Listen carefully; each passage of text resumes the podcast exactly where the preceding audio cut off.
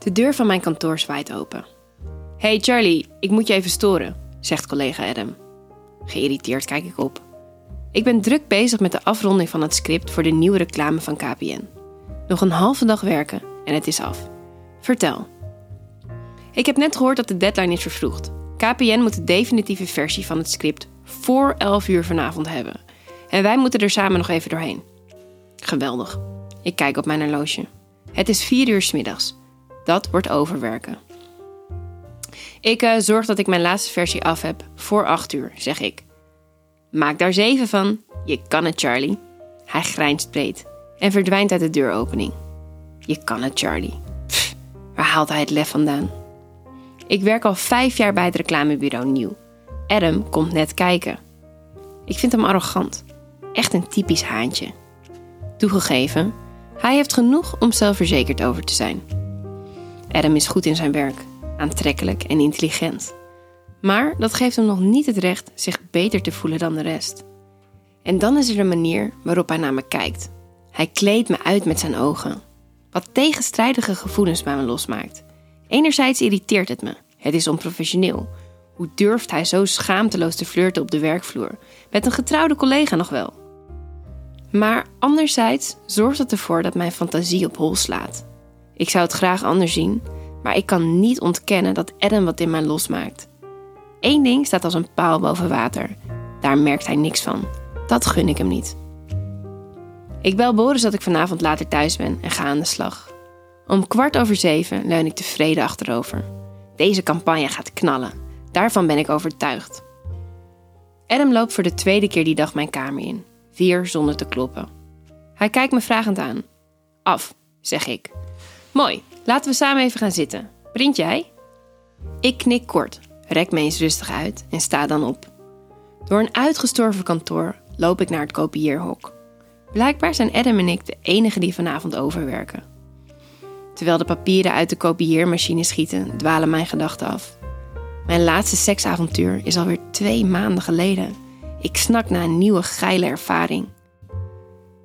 De laatste weken bestonden uit keihard werken, op kantoor en thuis. Dus ik kan wel een beetje ontspanning gebruiken. Ik heb zin om me weer echt te laten gaan. En helaas kom ik bij man Boris niet volledig aan mijn trekken. Daarom zoek ik spannende seks buiten de deur. Ik ben al een tijd aan het bedenken wat mijn volgende stap zal zijn. Er is nog zoveel waarmee ik wil experimenteren. Ik wil seks met twee mannen. Ik wil een orgie. En ik wil eens volledig de controle uit handen geven aan een dominante man met ervaring. Maar ja, waar vind je die? Heb je al gegeten? Ik schrik van Adam, die ineens achter me staat. Ik was zo in gedachten verzonken dat ik hem niet binnen hoorde komen. Nee, zeg ik bot. Ik pak de A4'tjes uit de printer en draai me om. Adam staat dichterbij dan ik had verwacht en we botsen tegen elkaar op. De papieren vallen op de grond. Oeps, sorry. Adam kijkt me uitdagend aan. Ik beantwoord zijn blik onbewogen en buk dan om de papieren op te rapen. Adam volgt elke beweging die ik maak met interesse. Hey, help eens even, zeg ik geïrriteerd. Oh ja, tuurlijk, sorry. Snel knielt hij neer en raapt een paar blaadjes op. Dan pakken we hetzelfde papier vast. Zijn warme hand raakt de mijne en een moment lang hou ik mijn adem in. Ik stel me voor hoe Adam me tegen het kopieerapparaat duwt, hoe hij mijn borsten masseert, me zoent, mijn rokje omhoog schuift en... Oké, doe normaal. Ik sta snel op, met rode wangen. Ik hoop maar dat Adam dit niet ziet. Niet elke fantasie hoeft werkelijkheid te worden, spreek ik mezelf toe. Seks hebben op kantoor met mijn jongere, arrogante collega, die ik elke dag zie, is niet alleen een groot cliché, maar ook een heel slecht idee. Beheers je. Met snelle stappen loop ik naar de vergaderruimte, waar ik het licht dim. Adam loopt met nonchalante tred achter me aan. We gaan aan het werk en dat gaat voorspoedig. Adam komt met goede feedback. En nu ik één op één met hem samenwerk, moet ik toegeven dat hij ook aardig kan zijn. Na dik een uur zijn we klaar. Oké, nu hoef ik alleen nog zijn feedback te verwerken en de klant te mailen. Gelukkig, deze dag zit er bijna op. Adam wordt gebeld. De bezorger, ik ben zo terug, zegt hij tegen mij. Een paar minuten later staat hij voor mijn neus met een doos sushi en een fles wijn. Ik kijk hem met opgetrokken wenkbrauwen aan. Wij hebben wat te vieren, verklaart hij. Ik wil zeggen dat mijn man thuis eten voor mij heeft klaarstaan. Maar ik krijg de woorden niet over mijn lippen. Eén glas moet kunnen, besluit ik. We proosten en al snel doet de alcohol zijn werk. Ik voel mijn lichaam ontspannen. Mijn maag knort. Wanneer heb ik voor het laatst iets gegeten? Dat moet uren geleden zijn. Niet gek dat ik zo snel aangeschoten ben. Adam zet een bakje sashimi voor mijn neus en komt dicht naast me zitten. Dichter dan professioneel is. Ik neem een hap en schuif een beetje bij hem vandaan. Ik neem nog een flinke slok wijn en leun dan achterover in mijn stoel met een diepe zucht. Dan pas voel ik hoeveel pijn mijn nek en schouders doen. Ik beweeg mijn hoofd van links naar rechts. Oh, kreun ik. Heb je last van je nek? Ja, geef ik toe. Ik heb te lang gezeten vandaag. Adam staat op en gaat achter me staan. Wat ga je doen? vraag ik. Jou masseren. Mm, dat lijkt me geen goed idee. Weet je het zeker? Um, ik aarzel. Man, ik snak naar een massage. Adam beschouwt dat blijkbaar als een aanmoediging. Heel langzaam duwt hij de bandjes van mijn hemdje en BH naar beneden en ontbloot mijn schouders. Ik ril. Je weet niet wat je mist, Charlie. Ik heb een blauwe maandag als massagetherapeut gewerkt, zegt hij. Mm, oh, oké, oké, heel even dan, zeg ik. In no time masseert Adam de knopen weg. Dan begint hij aan een hoofdmassage. Zijn vingertoppen gaan door mijn haren en ik kan een kreun niet onderdrukken. Oh, dit gaat de verkeerde kant op. Stop, je moet nu stoppen, zeg ik zacht. Maar het klinkt niet overtuigend. Adam merkt dat en trekt zich er niks van aan. Met zijn duim strijkt hij over mijn wang. En dan raakt hij mijn lippen aan. Ik open mijn mond, als in trance, en zuig zijn duim naar binnen. Ik lik eraan. Ik hoor dat Adams ademhaling zwaarder wordt. Je wil niet weten hoe lang ik al over jou fantaseer, Charlie. Al vanaf het moment dat ik je voor het allereerst zag. Ik draai me om, neem Adam verrast in me op. Weg is de arrogante houding. Hij kijkt me aan met een blik waaruit zoveel verlangen spreekt dat ik het niet langer kan opbrengen weerstand te bieden. Fuck it. In een seconde neem ik een beslissing. Verstandig is het niet, dat is zeker. Ik sta op, ga voor hem staan, hou zijn blik vast. Waar fantaseer je dan over? Vraag ik. Voor het eerst sinds ik hem ken, heeft Adam geen antwoord klaar. Eh, ik. Ik grijns. Oh, ga je nu ineens verlegen doen? Altijd zo'n grote bek en nu sta je hier met je mond vol tanden. Ik doe een stap naar achter, ga op de massief eikenhouten tafel zitten en trek mijn rokje omhoog.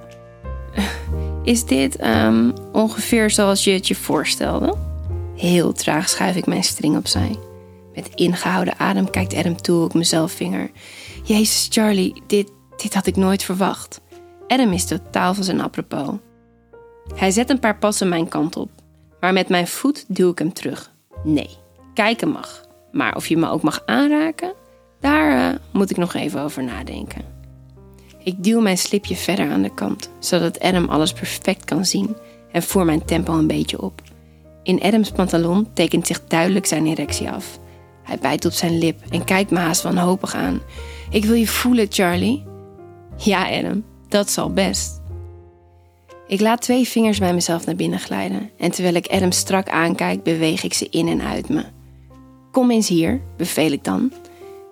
Ik stop de natte vingers in zijn mond. Adam likt eraan en er verschijnt een wilde blik in zijn ogen. Alsjeblieft, Charlie, hijgt hij, laat mij. Oké, vooruit, je mag me likken. Ineens is Adam een en al nederigheid.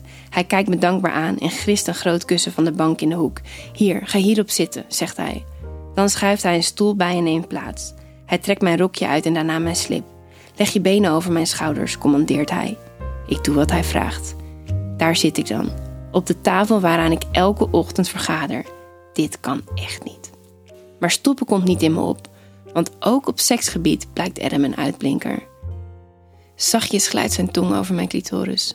Hij wisselt lange halen en rondjes af en beweegt steeds sneller. Ik hou hem vast bij zijn haren, trek eraan. Zet allebei je benen op tafel, spreid ze zo ver mogelijk en ga achterover liggen, beveelt Adam dan. Ik moet wel even over een drempel heen. Dit is niet mijn meest charmante houding, maar ik doe wat Adam me opdraagt. Hij gaat staan en laat zijn blik bewonderend over mijn lijf glijden. Dan omklemt hij mijn rechterbeen met zijn sterke arm. Hij stimuleert mijn clitoris met zijn linkerhand en brengt de wijs- en middelvinger van zijn rechterhand bij me naar binnen. Maar niet zo diep als ik gewend ben. Terwijl hij me aankijkt, begint hij te bewegen, maar zonder in en uit me te glijden. Ik heb geen idee wat hij precies doet, maar man, dit voelt heerlijk. Lekker? vraagt hij. Ja, kreun ik. Ik span mijn hele lichaam aan. Weet niet waar ik het zoeken moet. En dan voel ik een orgasme opkomen. Als een tsunami. De golven lijken uit mijn tenen te komen. Elk deeltje van mijn lichaam doet mee en ik schok heftig.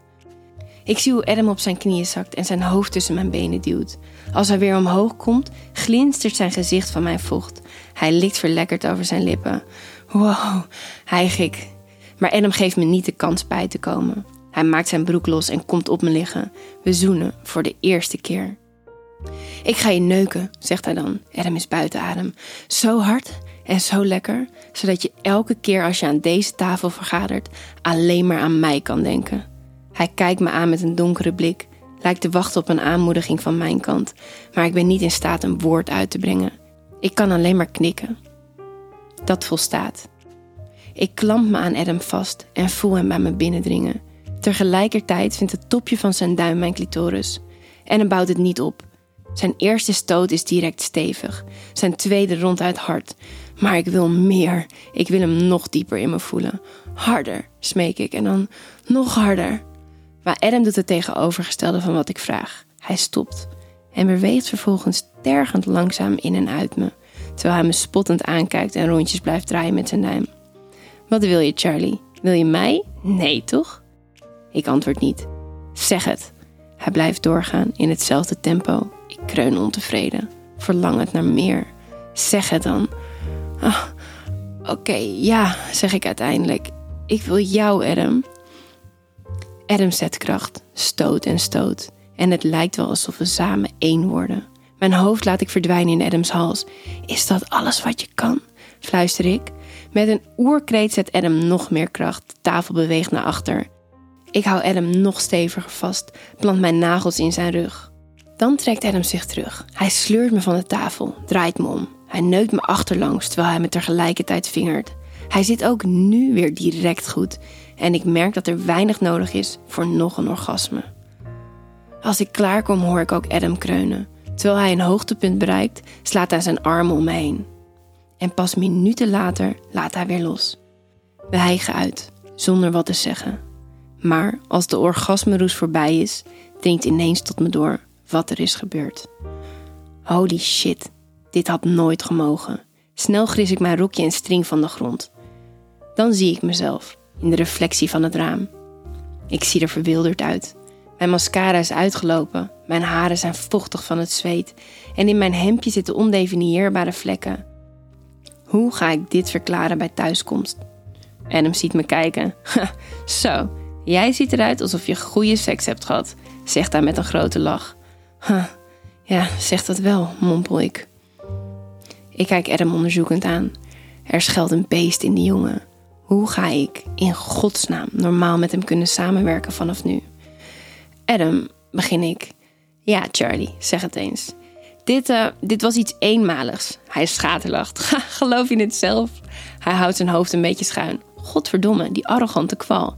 Ja, we werken samen. En ik heb een man en kinderen.